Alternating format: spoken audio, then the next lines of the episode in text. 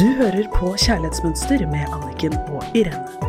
Sammen skal de hjelpe deg med å bli bedre kjent med den du er, slik at du kan skape det kjærlighetslivet du drømmer om å fortjene.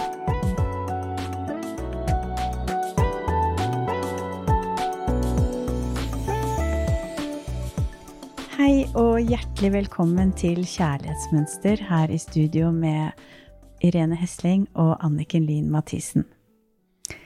Vi har nå jobbet eh, noen eh, episoder med selvbilde fra boken Kjærlighetsmønster.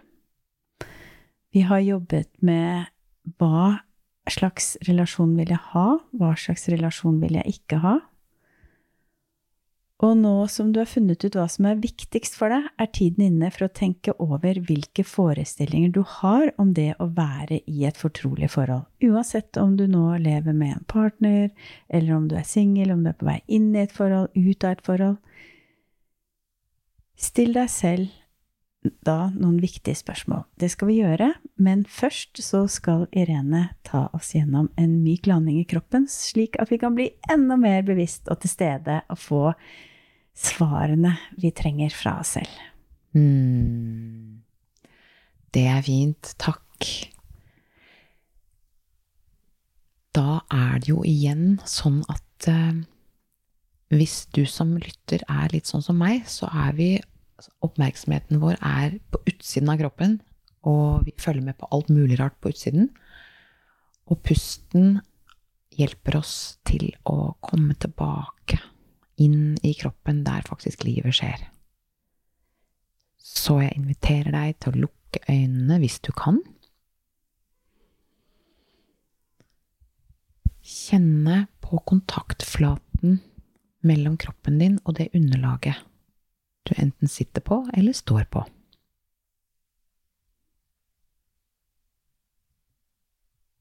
Kjenn at du er myk i magen, ikke holde magen inne lave skuldre, myk mellom øyenbrynene. Trekke pusten inn, trekk oppmerksomheten din inn i kroppen din på innpust. Og på utpust kjenne at du lander varmt og mykt ned mot underlaget. På innpust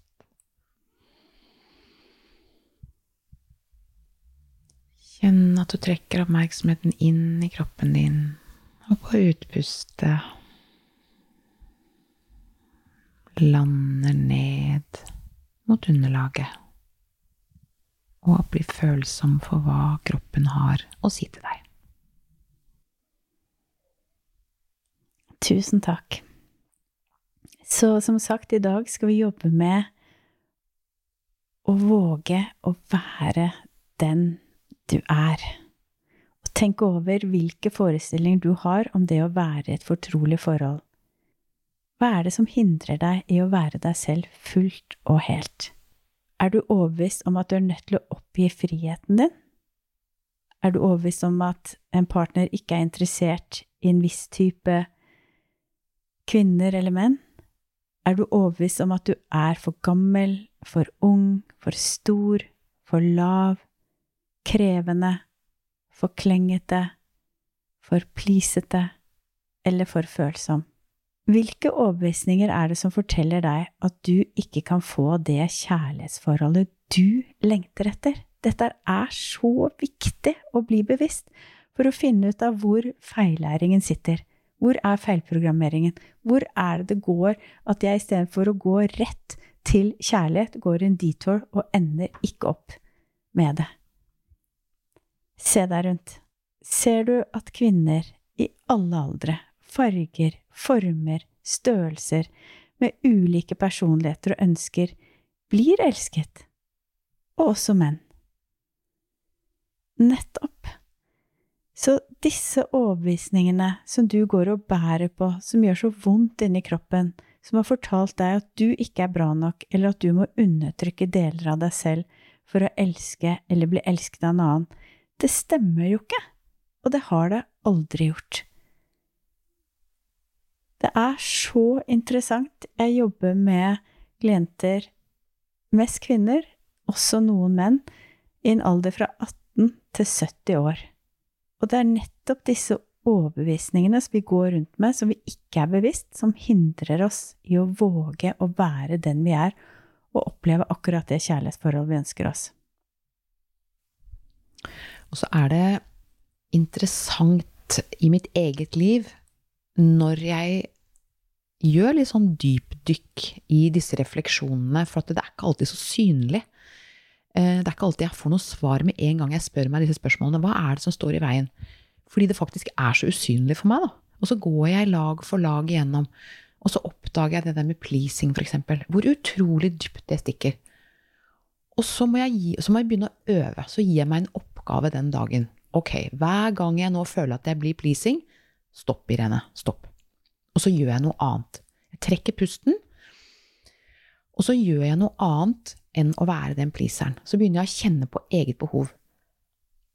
Og da opplever jo folk rundt meg at jeg plutselig sier nei istedenfor ja. Og jeg kjenner på en sånn nervøsitet i kroppen ved at jeg faktisk sier Altså at jeg faktisk står, for, står opp for mine egne behov. Og så opplever jeg også at folk rundt meg blir litt sånn Oi, det var uvant. Eh, og noen tåler det nesten ikke. Men faktisk så er det mange flere som sier Wow, så fint at du er ærlig. Det inspirerer meg også til å være ærlig. Så flott at du har sånne mennesker som støtter deg. Ja, jeg har det. Og det er så sant det du sier, den nervøsiteten når vi begynner å gå utenfor den gamle programmeringen. Hvordan det ble fortalt at du skal være, og at det er fysisk. Det er jo det som gjør det så sterkt, og det er derfor det er så vanskelig for oss å bryte disse mønstrene. Men det som er veldig viktig å huske på da, at det er ikke uvanlig å kjenne på uro og angst når du begynner på prosessen med å bli kjent med deg selv, og innse hvilke tanker du egentlig har om deg selv. Og at du begynner å si fra. Fordi det som er spennende, er at denne fysiske nervøsiteten eller uroen, da, utryggheten, den er jo noe vi har hatt med oss fra vi var små som gjorde at vi nettopp holdt oss til programmeringen, at ikke vi oppførte oss annerledes enn det vi skulle, det som andre hadde vist oss. Mm. Her er hvordan du skal oppføre deg for å passe inn i denne familien. Og de har jo ikke gjort det av noe annet enn kjærlighet, stort sett, men det er ubevisst. De har ikke gjort det bevisst. Og derfor så må vi være bevisst vi kan ikke fortsette å oppføre oss etter en gammel programmering og være ubevisste nå når vi er blitt voksne. Da må vi ta ansvar. Og det kan være sårt når du begynner å kjenne på at du også fortjener å bli elsket, og at ikke du har fått den opplevelsen ennå. Mange kunne ønske at de hadde innsett og begynt å gjøre dette arbeidet med å frigjøre seg fra mønstre og gammel programmering mye tidligere. Men tenk da heller at det er bra at du begynner å leve i sannhet om hvem du er nå. Det er nå du lever, og det er nå som betyr noe. Ja, og jeg tenker jo at alt jeg skjønner og innser før, jeg, før mitt siste utpust, er bare å glede seg over. Ja, det må vi bare sette to streker under. Vi kan ikke få sagt det nok, for det er så sant. Så er du klar til å gi slipp på andres versjon om hvem du er og bør være? Ja. Ja. Dette er kanskje en uvant måte å tenke på for deg som lytter, men det andre mennesker tenker om deg, det er ikke din sak. Vær i stedet nysgjerrig. Ikke definer deg selv ut ifra hvem du har vært. Det er så vondt å skulle være den vi ble opplært til hele livet. Vi må våge å være den vi er. Og det er det jeg ønsker så veldig å inspirere deg til i denne podkasten. Våg å være den du er. Når du først begynner, eller når jeg igjen snakker for meg selv, når jeg begynner å bli veldig ærlig, når jeg har forstått hvem jeg er, og faktisk også uttrykker det og viser det i verden, jo mer jeg gjør det, jo lettere blir det jo. Det det. Og nå er det ikke farlig å, være, å, si nei som et svar. Og jeg vet det ikke er en avvisning. Eh, det er ikke noe farlig å si ja, det er ikke noe farlig å være meg. Og det er altså en sånn frihet, du. Ja, og du sa ordet 'det er så mye lettere', og det er det det er. Mm. Fordi det er jo mye lettere å være den vi er, enn å ta omveien om å være den vi er, pluss gammel programmering. Det er jo noe gammelt å dra med seg, det er tungt. Ikke sant? Det er så lett og befriende deilig å våge å være den vi er.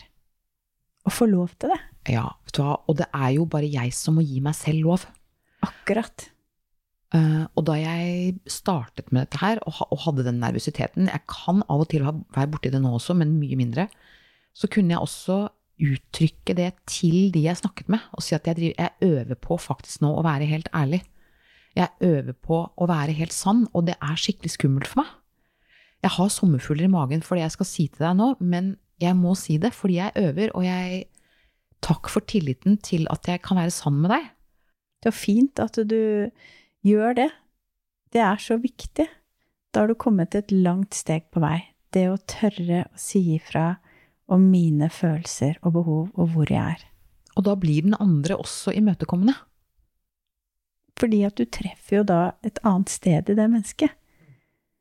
For hvis vi alle går rundt med gamle roller og gammel programmering, da blir det jo en helt annen avstand, og vi føler oss så mye mer ensom selv om vi er i tosomhet, eller selv om vi er sammen med mange mennesker.